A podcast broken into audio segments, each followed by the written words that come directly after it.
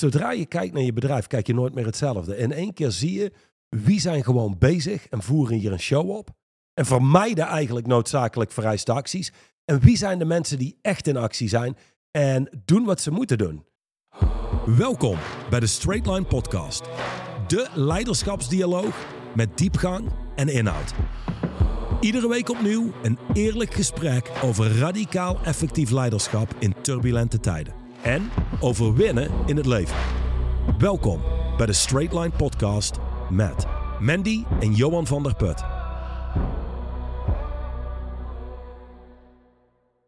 Meneer Van der Put, Ja, we zijn terug. we zijn terug. En vandaag is het tijd voor hoofdstuk 25 van het boek Straight Line Leadership.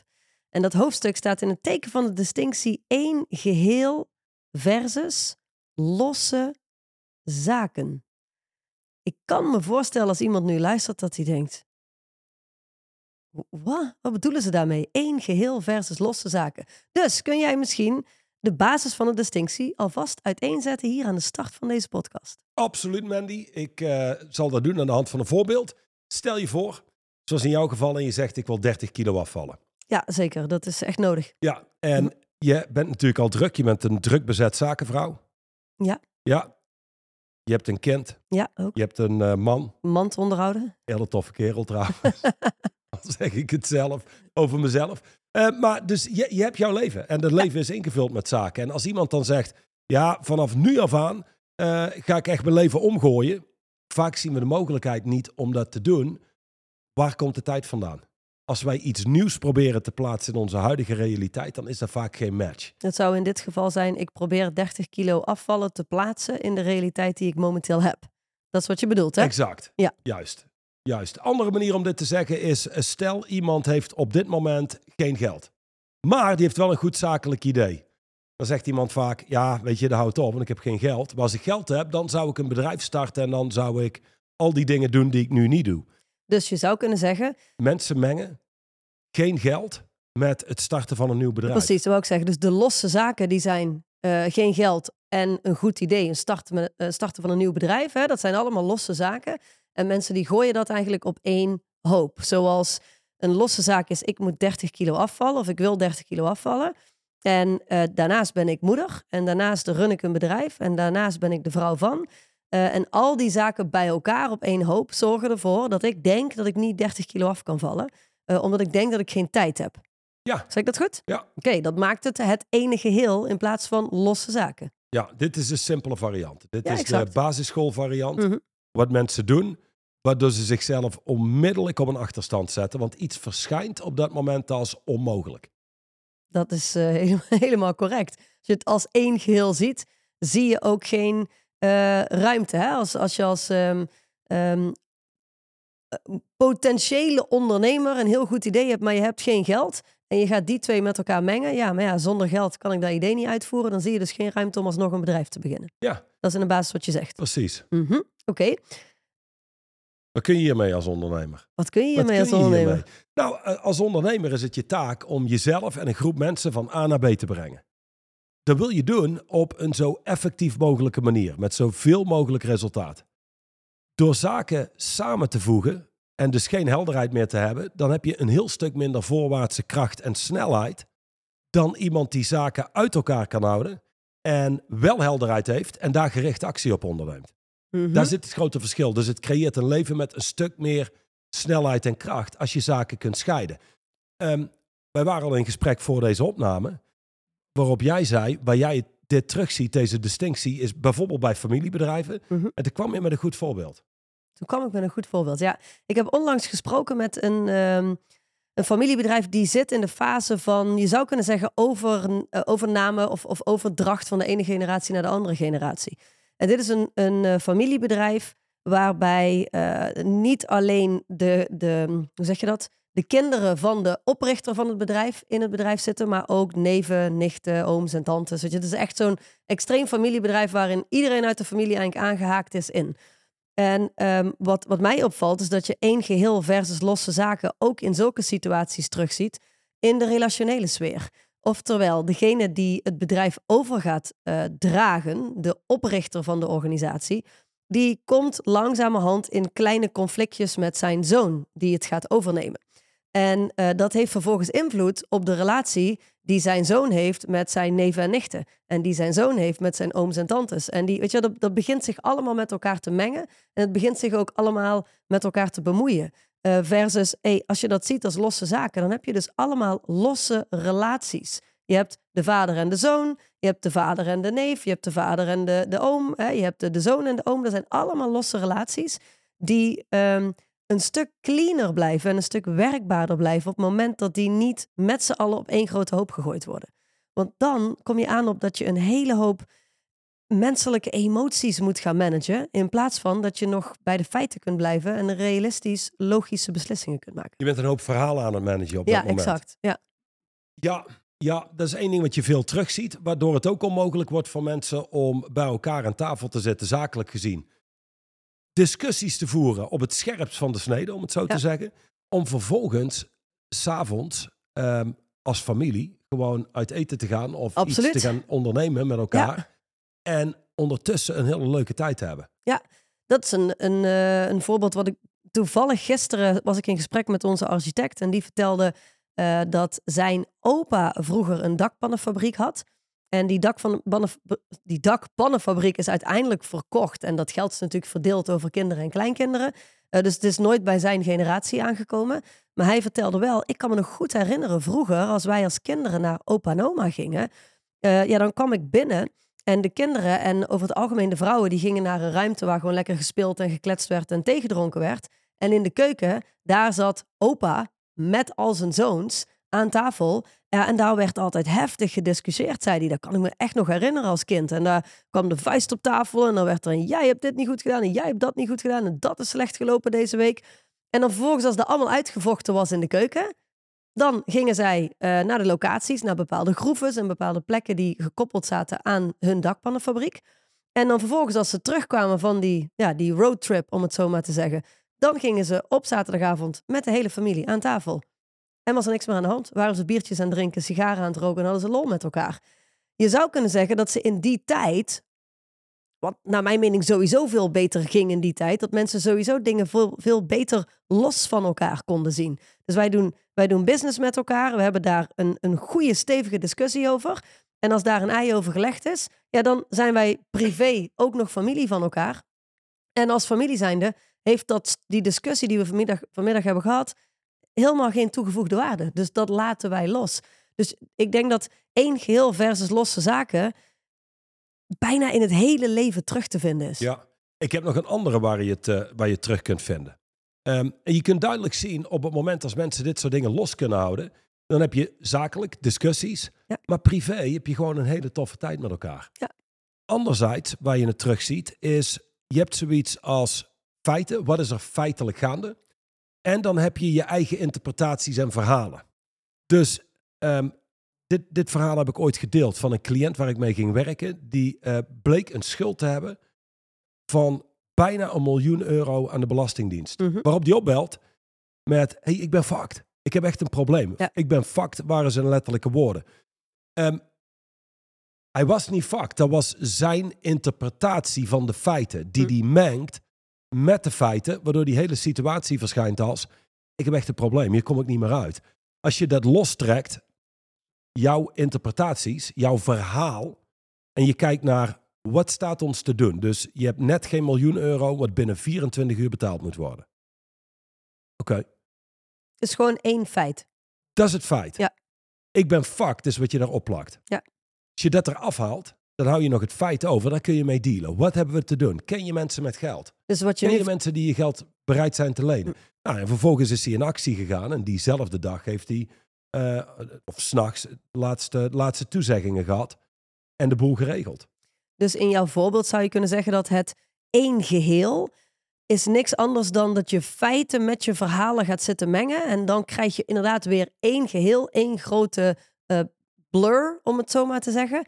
Om vanuit daar geen kansen en mogelijkheden meer te zien. Ben je in staat om daar losse zaken van te maken? Dus je verhalen te zien, los van de feiten te zien. De verschillende feiten die er zijn, los van elkaar te trekken. Dan in één keer, zoals jij net heel terecht zei, ontstaat er helderheid en kun je mogelijkheden gaan zien. Ja. Toch? Dat is wat Ja. je zegt. Ex- Exact, Da- daar kun je mee dealen, daar kun Ja. je mee creëren.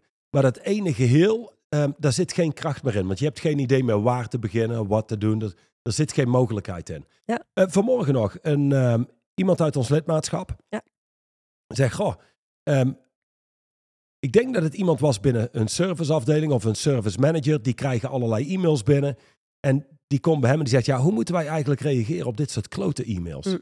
En die leest die e-mail voor en die zegt, "W- wat maakt dit nou een klote e-mail? Ja. Hij wijst op wat zaken en hij zegt, nou, nee, nee, dan maakt het geen klote e-mail. Die man geeft aan, ik ben hier niet blij mee. Ja, precies. Dat is het feit. Die man geeft aan, ik ben hier niet blij mee, ik ben daar niet blij mee en ik ben daar niet blij mee. En wat wij moeten doen, is met die man in gesprek gaan en kijken wat we kunnen doen voor elkaar. Ja. Eh, maar als je dingen gaat samenvoegen, jouw, jouw meningen, je interpretaties met de feiten die er gaande zijn, dan wordt het überhaupt zwaar om te dealen met dingen. Absoluut. Ja, maar dan, dan, dan, dan, worden dingen heel vaag. En als iets vaag is, dan is het ook zwaar en ingewikkeld om ergens mee te dealen. Want je weet eigenlijk helemaal niet waar je moet beginnen. Dat is het, hè? Mensen die dingen als één geheel zien, die je zou kunnen zien als losse zaken, die weten helemaal niet waar ze moeten beginnen. Die zien geen startpunt, die zien geen ingang, die zien geen kansen en mogelijkheden. Hey, ehm, in dit hoofdstuk staat een, een heel mooi eh, voorbeeld. Eh, dat heeft niet per definitie iets met deze distinctie te maken, al dan niet eigenlijk met alle distincties waar wij over Ja. spreken. Ehm, maar op een of andere manier heeft Duchan ervoor gekozen om in dit hoofdstuk dit voorbeeld toe te voegen. Wat jij en ik vroeger heel veel gebruikt hebben toen wij net van start gingen als straight line coaches. En dat was mensen helder maken wat het inhoudt om een daadwerkelijk inzicht te hebben. Want het woord inzicht wordt natuurlijk ook eindeloos mee gegooid tegenwoordig. Maar als je echt komt tot het hebben van een inzicht. Ehm, heb jij een. eh, of, eh, zou je dat verhaal uiteen willen zetten? Dat Ja. wil ik eigenlijk zeggen. Het verhaal is tevens gewoon, ehm, Het voorbeeld. ja precies, Ehm, het maakt een distinctie. Ja.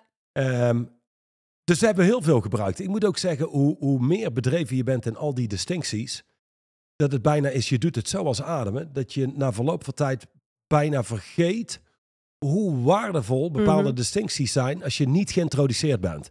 Heb je En- dat sowieso niet? Ervaar je dat niet enigszins nu we weer alle hoofdstukken van het boek echt per week helemaal aan het doorlopen zijn? En dan de, de terugkoppeling die je krijgt van luisteraars. Dat je denkt, oh ja, inderdaad. Ja, dat had ik in het begin ook. Dat die distinctie echt Ja. zo'n mega impact maakt. Dat is sowieso. Ja. 100 procent. Dus dat, dat maakt het leuk om deze podcast op te nemen ook.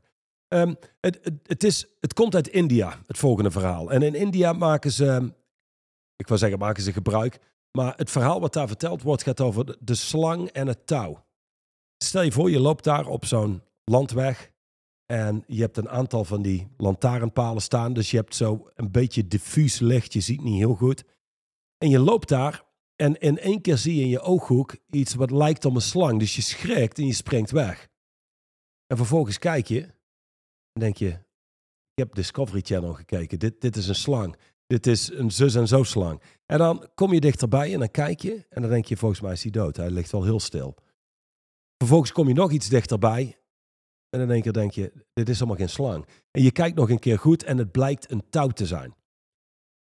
Wat onmogelijk is, vanaf het moment dat jij ziet dat iets geen slang is, maar een touw, je kunt er niet opnieuw van schrikken.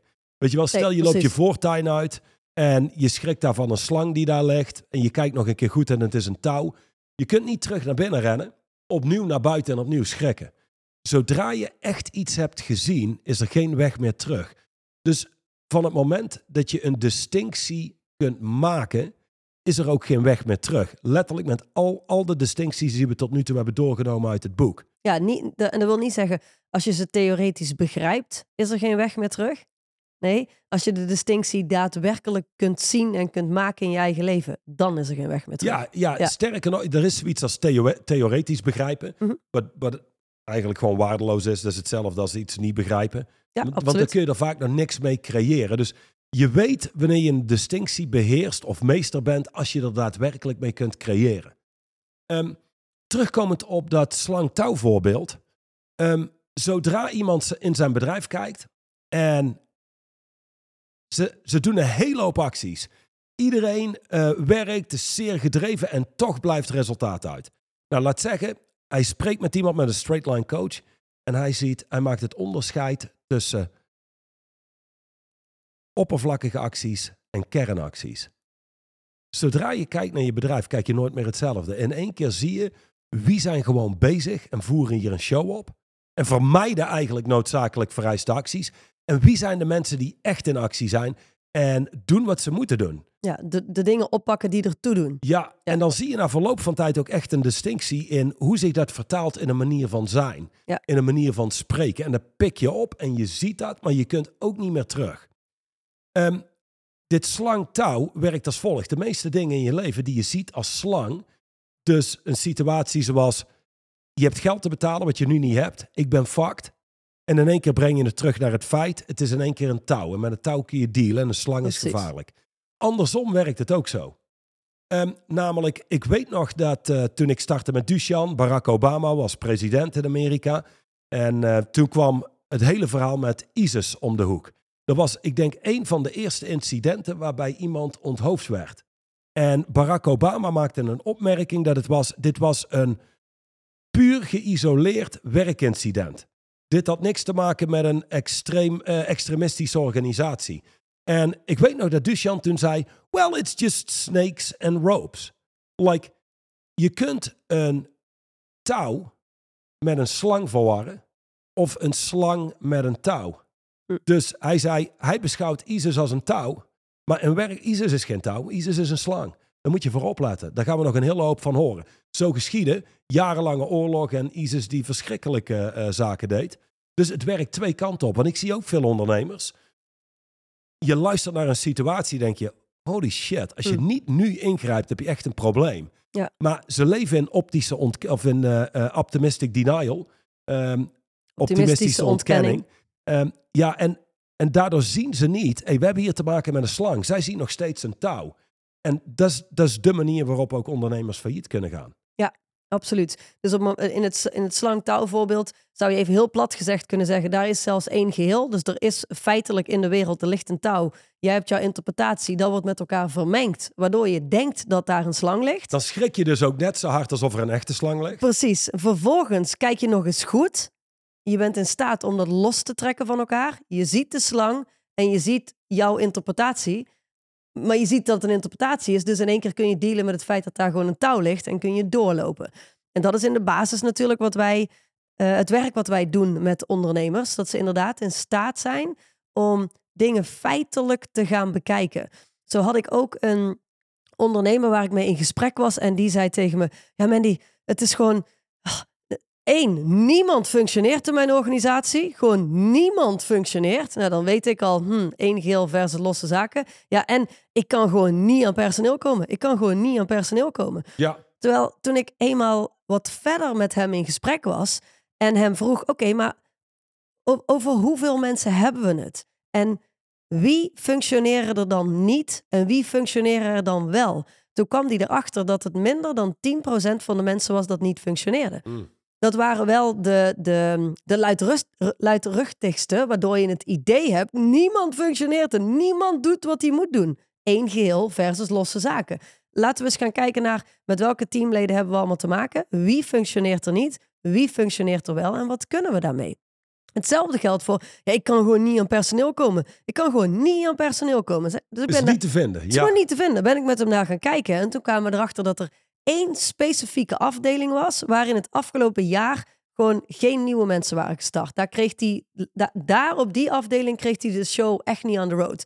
En één afdeling waar in het afgelopen jaar iets van tien mensen gestart waren. waarvan er alweer vijf weg waren. Dat je denkt, oké, dat, dat, dat loopt ook nu niet helemaal lekker. Al die andere afdelingen, als die daar een recruiter op zetten. binnen twee maanden waren de functies ingevuld en kon die vooruit één geheel versus losse zaken. Hij kon in één keer zien, oké, op één afdeling, daar krijg ik wel mensen aan boord, maar ik krijg ze niet vastgehouden. Dus daar is iets waar ik mee moet dealen. En op die andere afdeling, ja, daar hebben we dus een, een bepaalde uitdaging die we op moeten gaan lossen. We moeten gaan kijken naar wat is er voor nodig om die mensen wel aan boord te krijgen. Of is die hele afdeling wellicht anders in te richten, CQ te automatiseren, CQ whatever mee te doen, waardoor die mensen niet meer nodig zijn. Wat overigens bij hem daadwerkelijk gebeurd is, waardoor hij dus ook die mensen niet meer nodig had.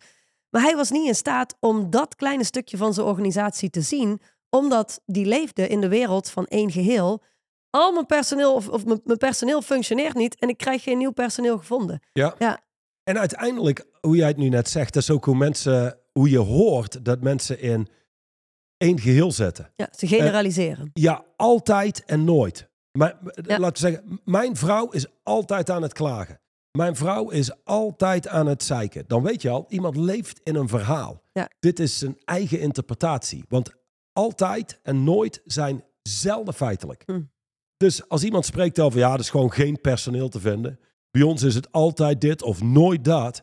Dan leef je in een verhaal. Dan wil je jezelf vertragen, je interpretatie weghalen en gaan kijken naar de feiten waar je daadwerkelijk iets aan kunt doen. Ja. En want dat is het codewoord hier. Hè? Je wil kunnen dealen met dingen, beslissingen kunnen nemen, zaken voorwaarts drijven. Ja, maar om te kunnen dealen met dingen moet je wel zien waar überhaupt mee gedeeld moet worden. Ja, ja, exact. En dan ook als het nog ga- gaat om de tijd en druk.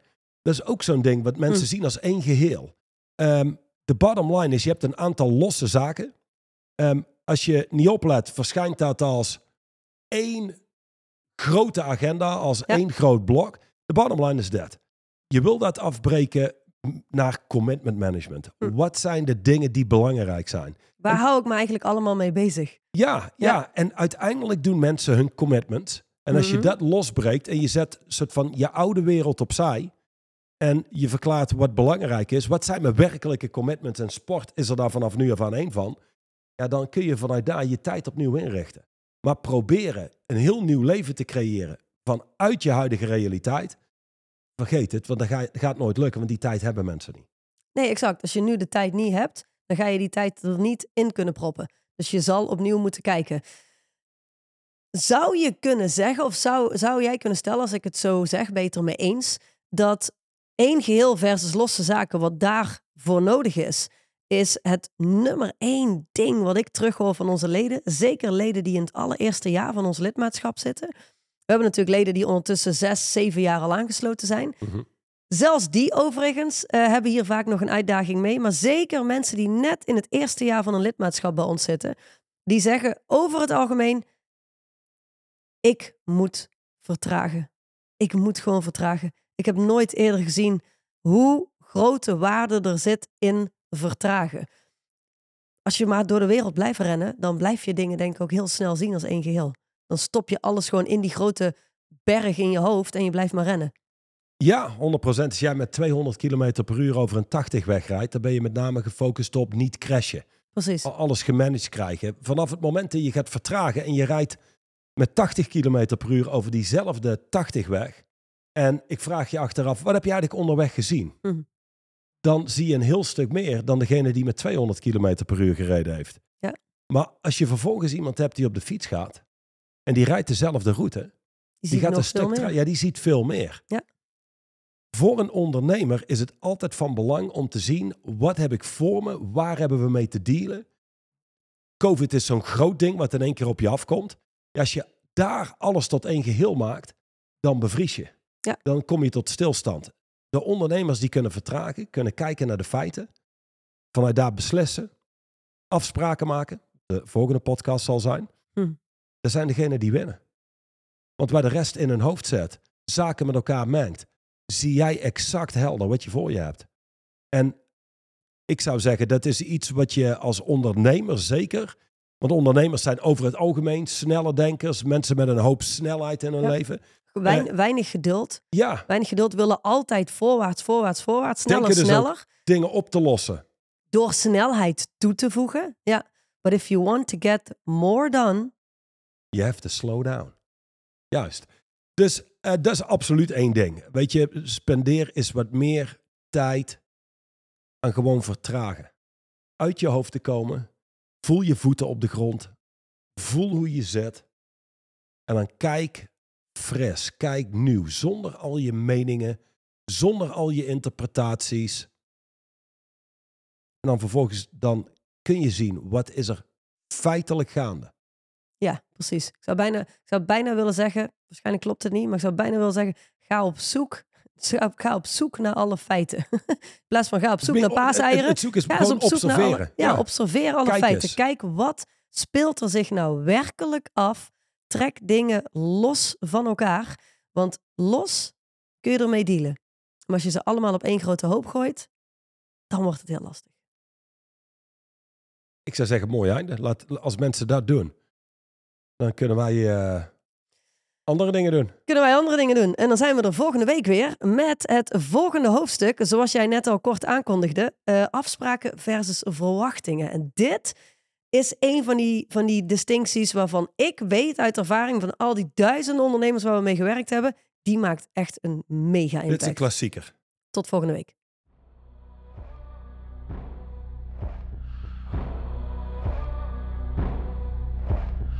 De overige podcast beluisteren of deze nog eens terugluisteren? Ga naar het YouTube of Spotify account van Straightline Leadership.